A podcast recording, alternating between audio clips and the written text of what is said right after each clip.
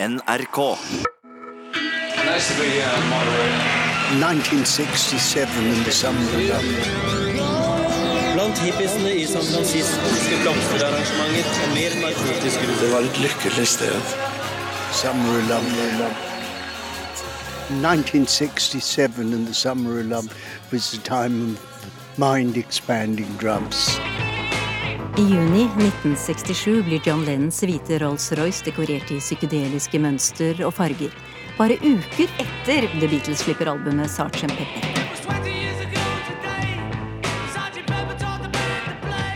Samtidig starter seksdagerskrigen. En kort krig med langvarige politiske følger for Midtøsten. I Storbritannia topper Procol Harums A White Shade of Pale, mens eh, Jefferson Airplane gir en hel verden lyden av San Francisco gjennom låten White Rabbit. I Hyde Park i London arrangeres det Legalize Pot Rally, der over 5000 hippier samles om kampen for en legalisering av cannabis. Og kjente musikere og kunstnere eksperimenterer med ulike psykedeliske stoffer. Ut ifra de mange konsertene og festivalene kommer det vakre musikkalbum og plakatkunst, påvirket av både Art Nouveau og psykedelika. Og i London møtes kreative unge i det alternative kulturfellesskapet The Arts Lab, der de gjennom The Summer of Love skaper poesi, billedkunst, skulpturer og musikk. Over bridge of sighs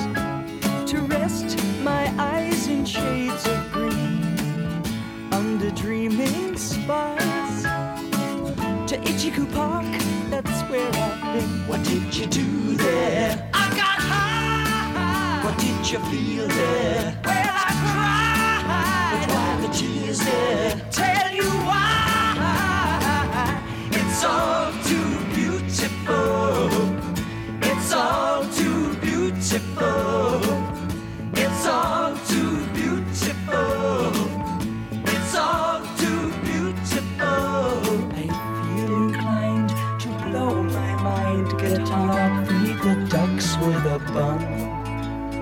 They all come out to groove about, be nice and have fun and listen.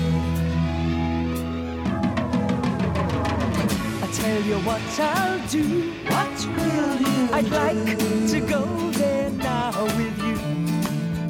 You can miss out school. Won't that be? Why go to learn the words of fool? What's we do there? We'll get high. What will we touch the sky.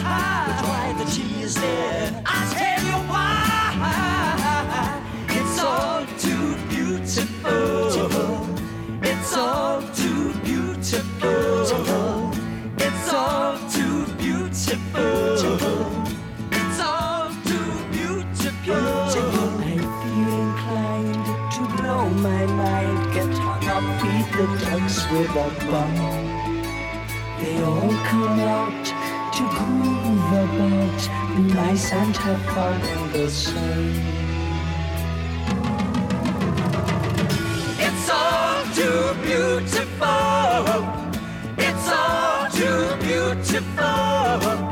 It's all too beautiful.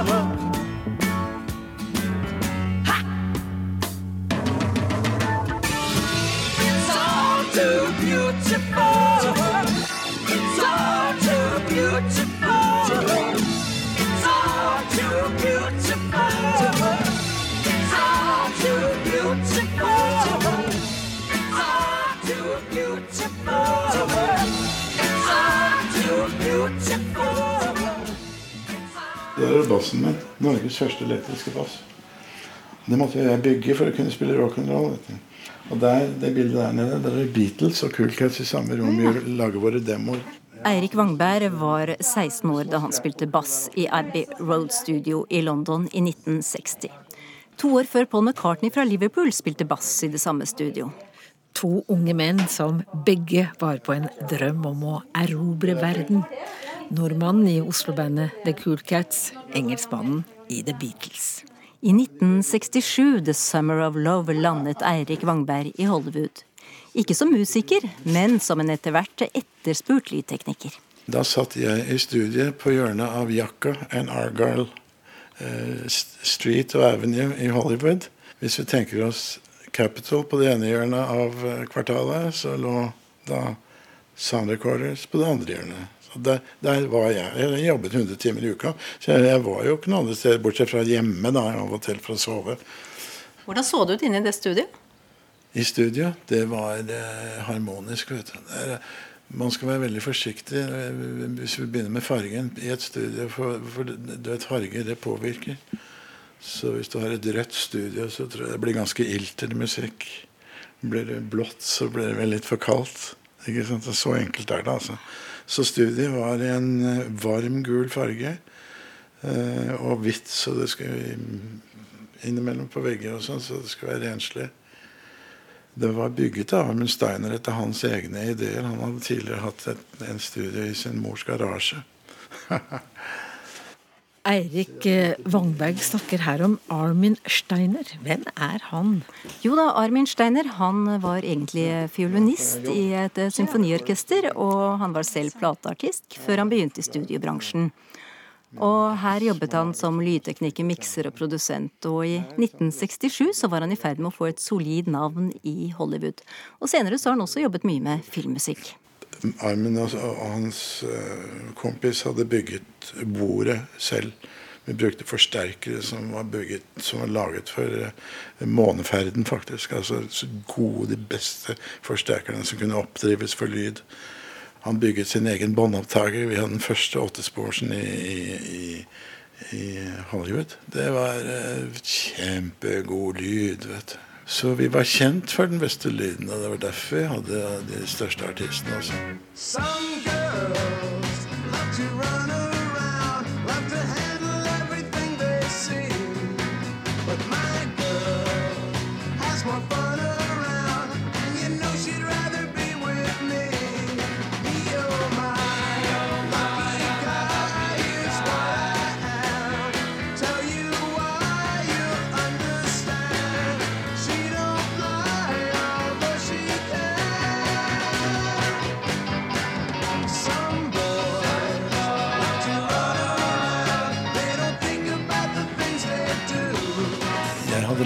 lest Hardy-bøkene da jeg vokste opp.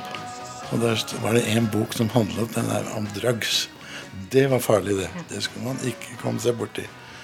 Og, og de løste mysterier, disse gutta, om, om drugs. Og, så jeg hadde lært det at dette her skal jeg ikke prøve selv. Så jeg tok alle drugs selv. Ja, og folk sa, heiet jo på meg Så «Her, kom igjen, ta det. Her er en reefer. Vet du. Kom igjen, prøv. Og så sa jeg jeg røyker ikke på jobben. Jeg brukte den unnskyldningen hele tiden. Så stakk de den i skjortelomma mi. Og så da jeg kom hjem etter alle disse sessions hvor jeg fikk gratis drugs, så la jeg det på et norgesglass. Og det var jo stappa fullt. Det var jo 40 cm høyt etter hvert. da. Så jeg hadde jo den samlingen hjemme. ikke sant?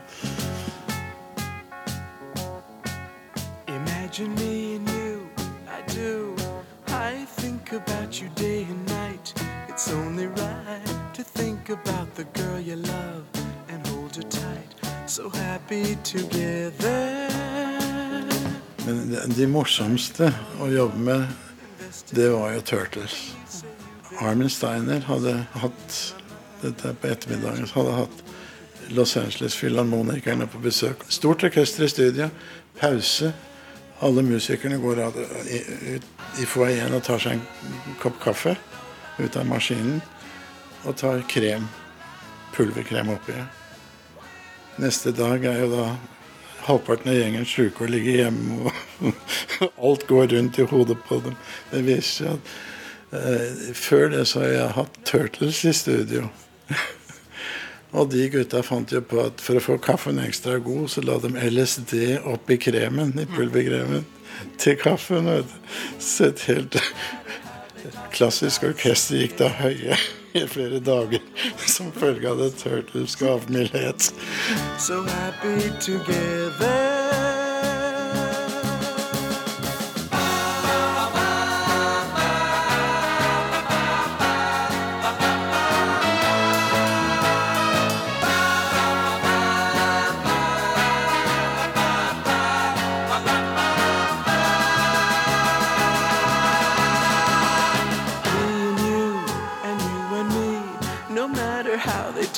Dice, it had to be. The only one for me is you, and you for me. So happy together, so happy together. And how is the weather? So happy together.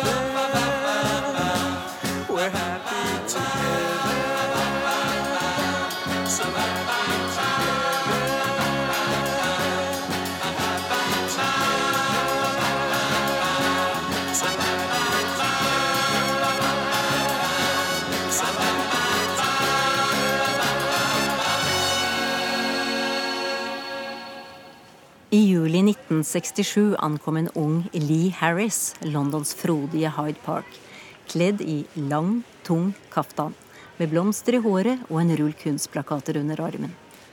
Den eh, nå 81 år gamle aktivisten, politikeren, forfatteren og skuespilleren var en av over 5000 hippier som ønsket å fortelle de britiske myndighetene at loven mot bruk av marihuana både var umoralsk og umulig å håndheve.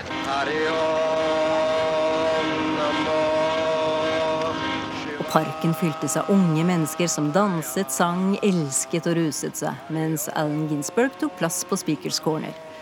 Frem til nyttårsaften i fjor drev Harris en etter hvert legendarisk headshop i Portobello Road i Notting Hill. Den lille, smale butikken med den postrøde fronten luktet alternativt, og var den første av sitt slag i England. Lee Harris gav forretningen navnet Alchemy, og både den og innehaveren dannet en viktig arena for den britiske hovedstadens motkultur. Og i 2015 stilte Harris som borgermesterkandidat i London etter Boris Johnson. For cannabis er tryggere enn alkoholpartiet. Men ikke overraskende tapte han valget. We marched with John Lennon along Oxford Street, hundreds of us from here. From Marble Arch. From uh, and he had a megaphone in his hand. I got a photo of him on the march, and Yoko was just behind him. John Lennon wanted to be part of things. He would come to the Arts Lab in his white Rolls Royce, and he loved to come to the Arts Lab and mix. Because that time John Lennon was dressed in Maoist, the Red Guard. He had the cap on and the Maoist jacket with the collar up there, and Yoko had the long uh, black uh, cloak and tiny little lady with long hair. I used to see her before she met John Lennon at the UFO Club when the Pink Floyd play on Friday night in Tottenham Court Road. She used to sit on the stairs going down there, this little Japanese woman. She was married to John Cox then, and through John Dunbar. Um, at an exhibition at his gallery, John met Yoko. Lee Harris er eh, kledd i skjorte i fargerikt geometrisk mønster under en sennepsgul jakke av lin. Rundt halsen henger et langt kjede med brune treperler, og tynne lærremser er flettet om håndleddet. Han nyter varmen i Hyde Park, som gjenkaller minner fra sommeren 1967. Om de alternative teaterscenene, demonstrasjonene, og om sex, dop og rock and roll. Lee Harris kom som ung flyktning fra Sør-Afrika til Europa, der han livnærte seg som skuespiller, skribent og makeupartist for Frank Zappa. Den unge jøden konverterte til buddhismen, og åpnet etter hvert en liten headshop, en sjappe i Portobello Road, som ble et samlingssted for Londons motkultur. It's beautiful to be in this magical park. I even tell you a little memory. I, in my first year here at drama school when I was 19, and I worked in um, Baker Street washing up dishes in a restaurant in the basement. And uh, a girl I met at drama school, also young like I, came to my restaurant and waited for me to finish work at 10.30 and we went into this park together and we were lying down with the closed gates on the, on the grass somewhere by the trees there and then we suddenly look up and there's about five, six people behind all the trees watching us. You know? Didn't realize. That was your summer of love. Yes. Han ga ut eh, Storbritannias første dopmagasin, Homegrown, og kjemper fortsatt en kamp for legalisering av eh, cannabis. På en fluktstol i den vakre parken midt i Londons sentrum tar han oss med tilbake til sommeren 1967, The Legalized Pot Rally og butikken i Notting Hill. For The Summer of Love var preget av dop. Og Lee Harris innrømmer å ha brukt både cannabis og LSD, det psykedeliske stoffet som opprinnelig kom fra Sveits og var et lovlig preparat fram til 1966. It started in San Francisco in 66, head. Head, because LSD and hippies, uh, a head was someone who smoked. So you had a pot head or an acid head, and you had dead heads You followed the Grateful Dead. And um, when we hippies were there and the, and the um, new left rebellion all over Paris and everything, um, we used to call them political heads because they weren't interested. I mean, if you said far out man or peace and love, it wasn't socialist enough. You see, it wasn't part of the new left.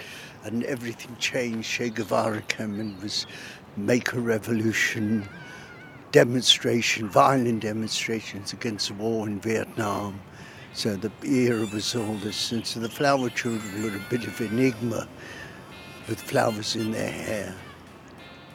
And when I came to 67 summer, the time the rally was here, there was Ronnie Lang organized the Congress on the Dialectics of Liberation at the Roundhouse. And there, uh, Stokely Carmichael, the Black Power leader, came over, and Herbert Marcuse, who was a German philosopher, Marxist philosopher, who worked at Brandeis University in America and taught Angela Davis, the Black Power lady, you see. At the legalized pot rally here, Allen Ginsberg did his om with the harmonium, and the police stopped him because the bylaw you're not allowed to play music without a license in the park. So he stood on a platform and he said, Om Shiva, legalize ganja, death, birth, creation. It was quite wonderful. And of course, I was walking around here having hedge a row of flowers in my hair, my moustache like here. You had flowers in your hair. Yes, um, and a kaftan with a badge saying no search without a warrant. And there was all sorts, and sitting on the grass in a hand painted white jacket was uh, Eric Clapton. And there were peoples like that there. And there were quite a lot of women who became famous later. There was Rosie Boycott, who formed Spare Rib, and um, Lynn Franks, who ab- absolute fabulous characters based on her, and Caroline Kuhn, who founded Release. So I remember mainly the women who were here, you see. Lee Harris, when did you try drugs yourself for well, the first time? In about uh, 65. I, I eventually got high in Oxford Street, coming out of a mod club with someone who offered me a joint. So we smoked it in Oxford Street at two in the morning, and I got a little high off it. You see. Or people said, "But you're smoking your tobacco, but you don't inhale." I would go and blow the smoke out. Thank God I didn't inhale. But you did that later. Yes, later I did. And my favourite T-shirt has a Buddha and has the words "Inhale the good shit, exhale the bullshit." See? And that's very Buddhist, you know, because the good shit is anything that's positive. The bullshit is all the conspiracies and nonsense that you've got to listen every day in the port Portobello. And um, everybody loved my T-shirt. But you told me about your LSD trip.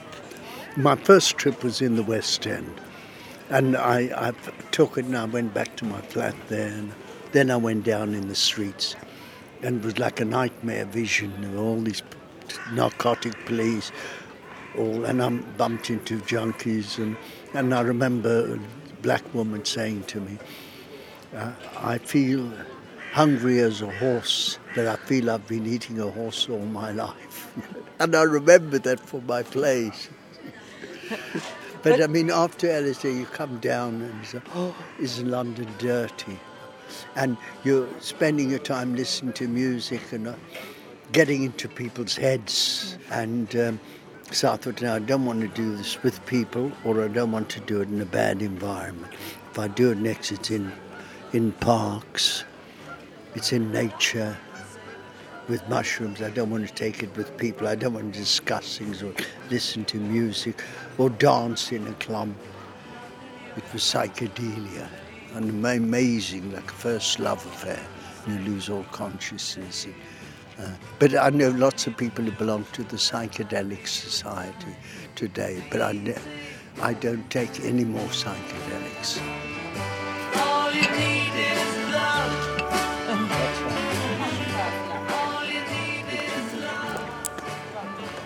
Og mens The Beatles synger All You Need Is Love inn på en førsteplass på britiske poplister, signerer Paul McCartney, John Lennon, George Harrison og Ringo Starr en helsides annonse i London Times der de krever en legalisering av marihuana. Lee Harris levde farlig med sine dopeksperimenter. Han tilbrakte mye tid på ulike klubber sammen med skuespillere, musikere og unge mennesker som ikke hadde funnet retningen på livet. Og i 1967 var UFO Club i London det faste spillestedet til Pink Floyd, som hadde sluppet sitt første album, The Piper at the Gates of Dawn, i april. Og her fantes det også scener for frie teatergrupper og poeter som Alan Ginsberg. Og han var jo blitt en slags hippiebevegelsens åndelige leder. The Summer of Love was an explosion of the things that were building up in 65 with the Royal Albert Hall and the Beat Poets. Uh, there was uh, the left wing bookshops that was coming, of course, with the Beatles and the Stones and the swinging 60s, which were the permissive society. But it was a time of great liberation, and it was gay liberation, um, women's liberation, sexual liberation. One of the big issues then for people like me was censorship, because for the first time in 400 years, the Lord Chamberlain's office, and for the first time on the stage, someone could use the word fuck. Uh, gay people could be portrayed. And Hair came on from America, which had a naked scene. And in the roundhouse, Oh Calcutta, Ken Tynan started, where all the actors were naked. So was, and the Living Theatre came, who were Italy from America, you see. There were all the actors, with long-haired actors, they would go and lie down, 30, 50 of us in a big group touching each other. And also they walk through the audience and say to all the audience, I'm not allowed to smoke marijuana. I'm not allowed to smoke marijuana. So it was liberating seeing street theatre. Um, Lee Harris, if you close your eyes and think about the Summer of Love 1967, what is the strongest picture? Oh, the strongest picture of the, uh, like the parks, the festivals. It was a crazy time of freedom, of breaking bounds, of uh, breaking conventions, and uh, of magical love affairs and uh, uh, being the beautiful people, the flower children, the part of a new age. It was quite exciting. It was, as they sang in Hair, it was the dawning of the age of Aquarius, and uh, Hair opened in the West End. So we were asked, a group of freaky hippies, to go to the theatre every night at the end of the show. And when the last number is, it's the dawning of the age of Aquarius. And we had to rush down the stairs and dance with the actors on stage and then get the audience to come up and everyone would dance. And I'd come every night down when the curtain was going, run through the auditorium, and that was what I'd do all out. What is your favorite song from the 1967? From 67. Well, it's got to be uh, anything from uh, Bob Dylan, the Memphis Blues again. But I especially like Sergeant Pepper. Oh, there were people that moved you, that inspired you. And it was a magical time to live through. And a lot of kids today say, oh, how marvelous the 60s. I wish I was born there. And I said, no, that's a past. Be here now. Enjoy what you have. Make your own revolutions, make your own dreams, because you can't live other people's things. And of course, there was chaos during the 60s. There were lots of people who were broken down and lots of tragedies too. So let's say I'm a survivor.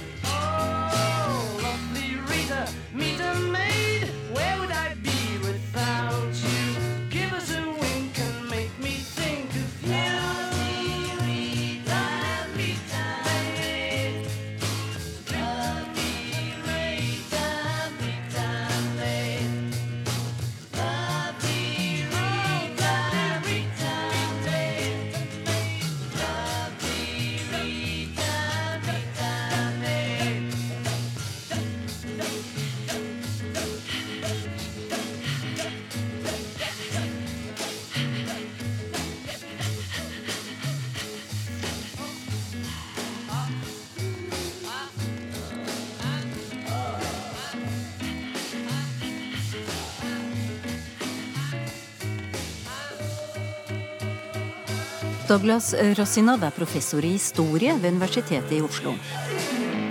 Well, you know, the the um, experimentation with LSD had been going on for some time, of course, uh, not just through the Central Intelligence Agency, but some uh, wealthy celebrities in Hollywood had experimented with it. Uh, the belief was strong uh, among young people that this kind of hallucinogenic drug, and in particular LSD, w- had a, a mystical power. In other words, that it would, uh, to use Aldous Huxley's words, it would cleanse the doors of perception and allow people to experience things that normally were invisible to them.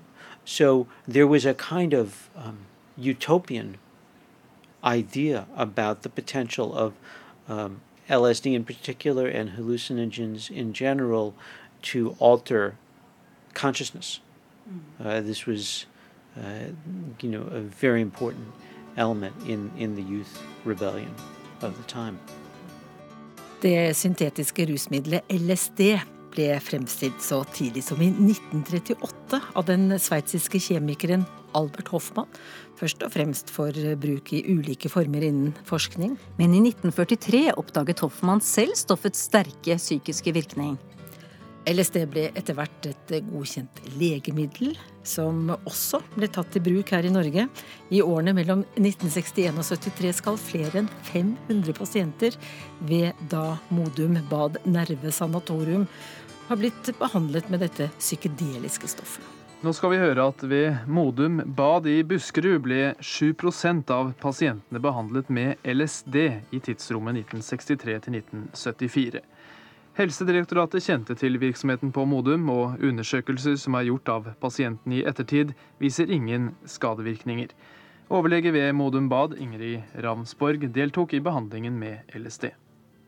Vi brukte jo bare til innliggende pasienter som vi kjente godt og hadde kontakt med, og som selv var motivert for det. Det kunne vel gi to typer opplevelser. Det kunne gi glemte barndomserindringer, glemte ofte såre, vonde, fortrengte følelser. Men det kunne også gi mer eksistensielle, symbolske opplevelser. De fikk en dose så at vi hadde kontakt med dem under den behandlingsdagen og samtale på ettermiddagen. Også tett med samtaler de påfølgende dager. Dette ble jo stoff som de husket etterpå, som vi kunne arbeide videre med i behandlingen.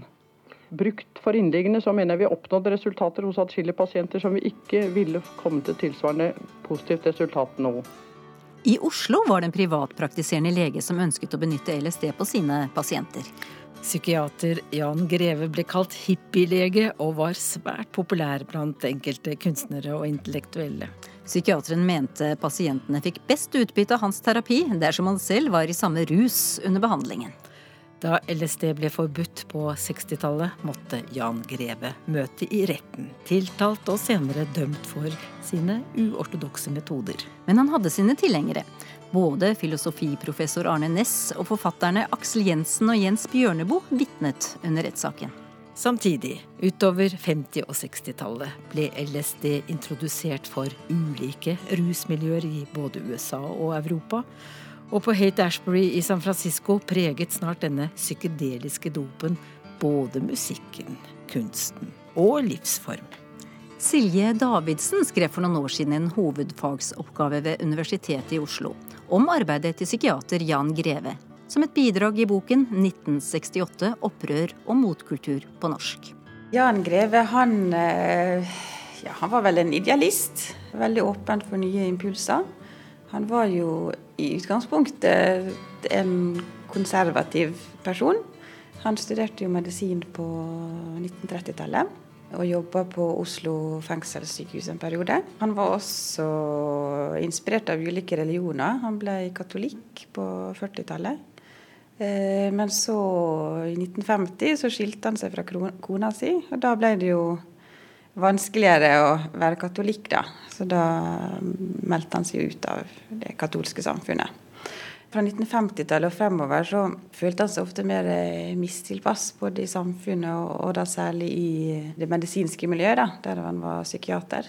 Han følte vel at kollegaene så på han som en kjetter, altså en som praktiserte medisin annerledes enn de ønska. Så fra 1950 så etablerte han egen praksis der han tok imot pasienter. På 1960-tallet så var det jo mye nytt som skjedde i, i samfunnet. Altså, da kom jo etter hvert ungdomsopprøret. Eh, Jan Greve var jo ingen ungdom på 60-tallet, men han, eh, som jeg nevnte, så var han jo åpen for nye ideer, også i måten han da behandla pasienter på. Og tidlig på 60-tallet så var det en pasient som kom til han, som hadde lyst til å forsøke LSD. Eh, og på den tida så var han lite kjent med det stoffet. Men han syntes det hørtes ut som et eh, interessant eh, middel som han kunne bruke i behandling. Eh, så han valgte da å teste ut stoffet sjøl. Ja, og det snakker han om i et intervju med journalist Syfilia Borgenstjerne i Gateavisa i 1980.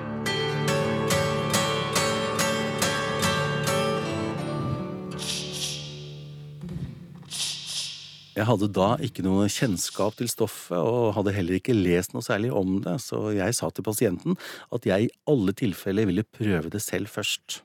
Jeg ringte til Lierasylet og spurte om jeg kunne komme dit og prøve stoffet. Det sa de ja til, jeg kjente folkene der, hadde arbeidet på Lier tidligere. Jeg fikk fire små perler av noen piller av overlegen og svelget dem.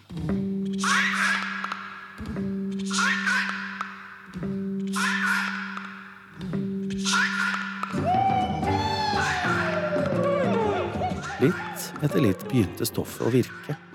Sanseinntrykkene og virkeligheten rundt meg ble så forferdelig mye sterkere.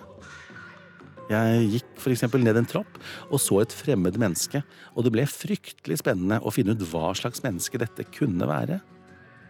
Så gikk jeg litt rundt og så på pasientene, og opplevde hvor vanvittig vanskelig det var å få kontakt med dem. Fullstendig stengt. Muligens virket jeg skremmende på dem. Jeg tror jeg så litt annerledes ut, eller virket litt annerledes enn de andre, og de ble visst redde. Deretter gikk jeg opp i hønsehuset og satte meg og så på hønene. Jeg skal si deg at jeg aldri har opplevd høns før på den måten. De var lykkelige, de koste seg, og de hadde et høyst individuelt liv. Jeg opplevde at de hadde de samme egenskapene som mennesker, men de var mer naturlige. De blåste seg naturligvis opp for hverandre og slikt, men det hele var så naturlig. Du fant ikke det isolerte skuespillet som mennesker driver med. Det var fantastisk morsomt. Jeg satt og lo av alt jeg så. Dette var om våren, midt i vårløsningen med strie bekker nedover alle veier. Jeg husker hvordan alt fra omgivelsene virket forsterket.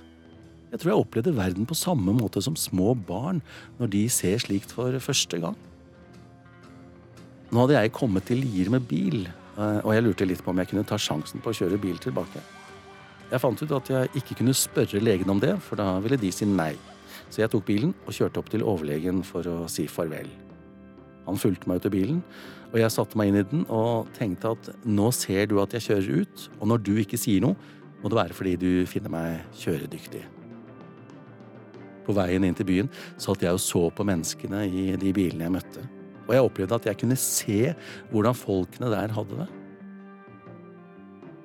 Jeg snakket med pasienten etterpå og fant ut at jeg samtidig som jeg ga henne LSD, måtte ta det selv for å kunne komme helt på emosjonell bølgelengde med henne. Så en periode så var det lovlig å bruke LSD, og Greve fikk da også lov til å bruke LSD på sine pasienter. Men det var kun en kort periode. Men det som også var litt spesielt med Jan Greve, var at han tok stoffet. Og hva førte det til? Det førte vel til at man så på At man kanskje ble sett på som litt useriøst. da. Det var en lite trygg måte å behandle pasienter på. Men etter hvert så gikk han jo vekk fra LSD-behandling. fordi når uh, hasj ble litt mer brukt i en del miljø i Norge, så så han jo også at det var et nyttig middel å bruke i behandling av pasienter. Og hasj ble jo også brukt i psykiatrisk behandling, bl.a. i England. Og han så også at det stoffet hadde mange like egenskaper som LSD. Hadde en form for bevissthetsutvidende egenskap. At man kunne på en måte trenge inn i seg sjøl, avdekke hvor fortrengte konflikter. Og at man da kunne lettere bearbeide det når man da hadde erfart det gjennom rusen. da, for å si det sånn. Ble pasientene noe bedre? Han var ikke så opptatt nødvendigvis av om pasientene skulle bli bedre. Altså Han var opptatt av å på en måte vekke dem og gjøre dem, eh, bevisstgjøre dem da, og gjøre dem eh, mer selvstendige. Hvem var det som kom til ham? Han hadde en del kjente kulturpersonligheter i kretsen sin. Bl.a. Aksel Jensen og Jens Bjørneboe eh, gikk til behandling hos Greve.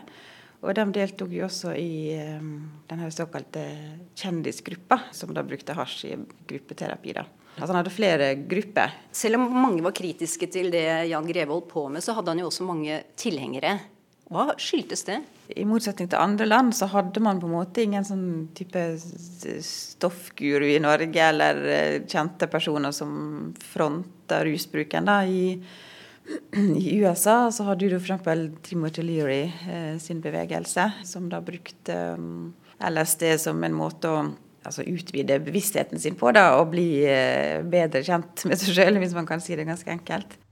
I have three things to say to young people who are growing up in a psychedelic world. Turn on, tune in, and drop out.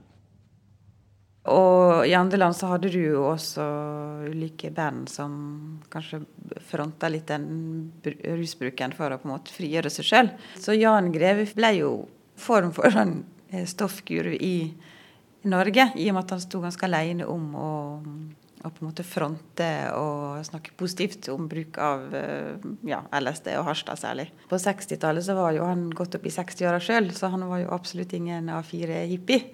Eh, men han hadde jo hippiestilen. Han hadde langt hår og gikk med Mao-merke og litt eh, sånn løstsittende klær. Men det var nok særlig det at han da så åpent fronta bruk av uh, hasj, da, og inntok en posisjon der han på en måte ønska å formidle budskapet til særlig ungdommen. da, at, at det stoffet hadde mange positive egenskaper, og at han mente at det var en måte å ja, frigjøre seg sjøl på og bli mer selvstendig som vel gjorde at han fikk den lille posisjonen i Norge da, som en såkalt eh, ja, stoffguru, da, eller ja, hasjguru. Han ble også kalt hippielegen? Hippielegen ble han kalt, ja. ja. Altså, det var jo en del avisskriveri om han, fordi han, som alle vil forstå, så var han jo en veldig utradisjonell lege. Og spesielt i den perioden der. Det at han brukte narkotiske stoff var jo i seg sjøl også veldig oppsiktsvekkende. Men han hadde jo også altså Han brukte andre virkemiddel i behandling som var veldig utradisjonelle. Blant annet så hadde han på kontoret sitt i Valdemar Tranes gate, som også fungerte som bolig i en periode, så hadde han ei kiste som han hadde fått av en tidligere pasient. Og den brukte han til pasienter som da hadde dødsangst. At de da kunne legge seg ned i den kista og gjerne lukke lokket, da for å forberede seg på det som en gang måtte komme. Eh, og det var en del sånne detaljer. da, Når det lakk ut i pressen, så ble jo det slått veldig stort opp. Blant annet VG, da, som skrev mye om Greve, og som da brukte mye ja, fete overskrifter med hippielege, og at han hadde likkiste på kontoret.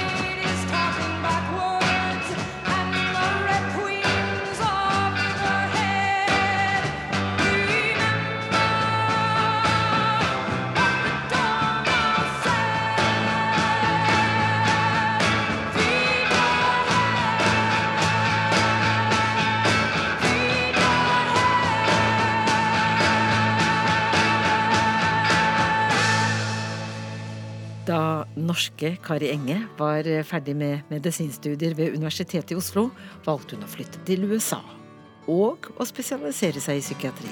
I dag har hun bodd flere tiår i California og er psykiater ved en kommunal klinikk i San Bernardino utenfor Los Angeles. Men da hun studerte medisin på 70-tallet, oppsøkte hun en annen psykiater, nemlig Jan Greve.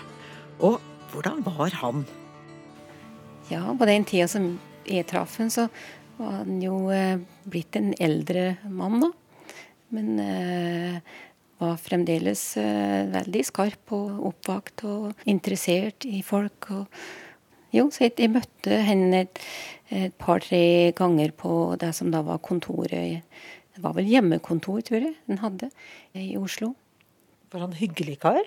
Hvordan var han som behandler? Nei, kan ikke akkurat si at han var, var, hyggelig og veldig, veldig intellektuell. Så han var ikke akkurat eh, varm personlighet. I 1967, The Summer of Love, så ble psykedelika stadig mer utbredt. Hvilke stoffer er det vi tenker på? Ja, LSD er vel kanskje den som er mest uh, kjent, da. Som er et uh, syntetisk uh, stoff som gjør at ja, de som det, får hallusinasjoner. De ser ting og, og hører ting og, og opplever ting som er uvirkelige. Men det er andre som er naturlige stoffer òg, som er, er psykedelika. Og det som kanskje ble mest brukt eh, på den tida, var sopp. Fleinsopp var en av dem, iallfall her i Norge. I eh, Statene så ble det jo brukt en del eh, sånne stoff som ble utvunnet fra kaktuser, annet. Psilocybin var, det, vel navnet på en av dem. Men LSD er kanskje den som er mest kjent og mest utbredt på den tida. Men du studerte jo medisin eh, på midten av 70-tallet. Snakket man ofte om bruken av eh, psykedeliske stoffer innenfor faget ditt da? Nei, så vidt jeg kan huske, så var det ikke noen av mine professorer som uh, prata noe om det. Men blant en del av studentene så, så ble det jo som blant andre ungdommer på, på den tida eksperimentert med det på egen hånd. Men ikke noe i, i studiet. Jeg kan ikke huske at vi hadde noe foredrag om det i det hele tatt. Men eh, Kari Enge, når har bruken av eh, psykedeliske stoffer vist gode resultater eh, innen psykiatrien? Jeg vet ikke om jeg kan peke på noen som har hatt eh, positive resultater. Det, har jo vært veldig lite forskning på det. da, Fordi at, eh, at det er kontrollerte stoff, og det er jo ulovlig å bruke dem. Og det har ikke blitt brukt eh, åpent i eh, behandlingen. Men nå i de, de siste par årene igjen, så er det et par universiteter i eh, California der jeg jobber, som har begynt å forske litt på det igjen, og som har fått lov av myndighetene til å forske på det. Og det er på psykedelika og bruken av dem bl.a. i eh, behandling av eh, pasienter som har fått kreftdiagnose og går i kreftbehandling. Og et annet område er innen posttraumatisk eh, stress. Så har de òg eksperimentert litt. Nå i California så har- jo ting forandra seg litt eh, sånn utenfor psykiatrien. I og med at eh, det har blitt lovlig å bruke marihuana. Det er lov å kjøpe og, bruke til eget bruk. Hva tenker du om eh, behandling med marihuana? Nei, Som psykiater så må jeg si at eh, de studiene som jeg har sett, da, så er det ingen som har funnet noe positiv effekt med marihuana enda.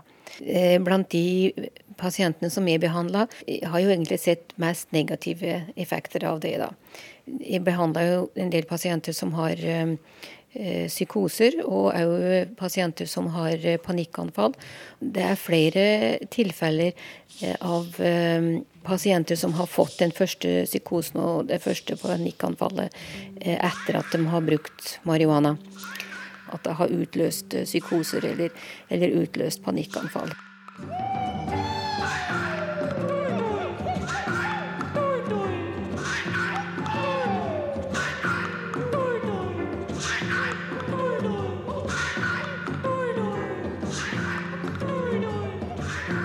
Den 19. juni 1967, midt oppi kjærlighetsfestivaler, hippiebryllup og dopdemonstrasjoner i Hyde Park i London, skaffer Paul McCartney seg fete overskrifter og oppslag verden over. Den britiske musikeren innrømmer motvillig at han har brukt det psykedeliske stoffet LSD. Men hvor mange ganger? Four times.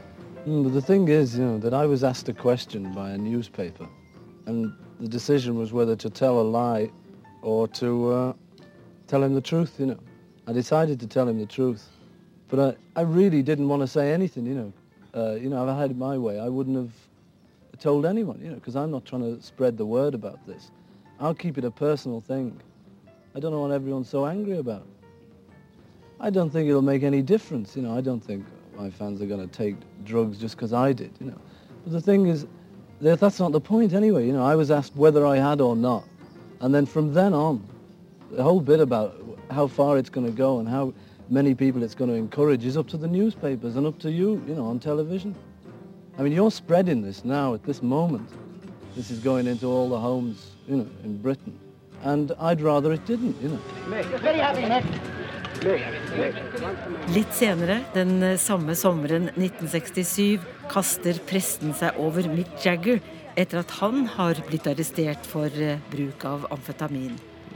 People have been uh, talking about responsibility for a long time about pop singers generally. Everybody in the public eye has a responsibility. I'm not quite sure if this responsibility is quite as great as they make out because I believe that individuals really have their, make their own minds up more than people think. They really don't follow that much. You know, I mean, if, if they'd have followed Paul McCartney, you know, if all the Beatle fans in the world had followed Paul McCartney, just they would have taken acid by now, which I'm sure isn't the case. Something happened to me yesterday.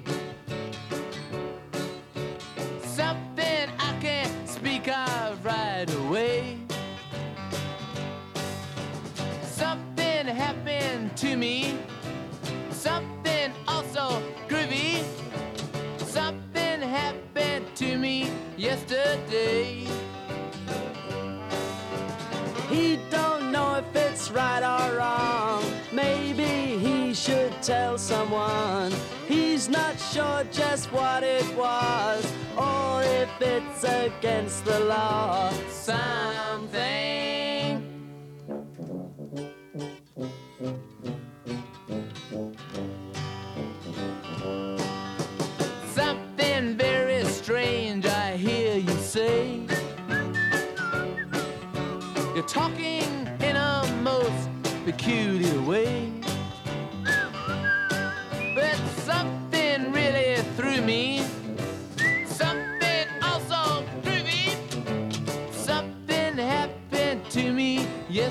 day.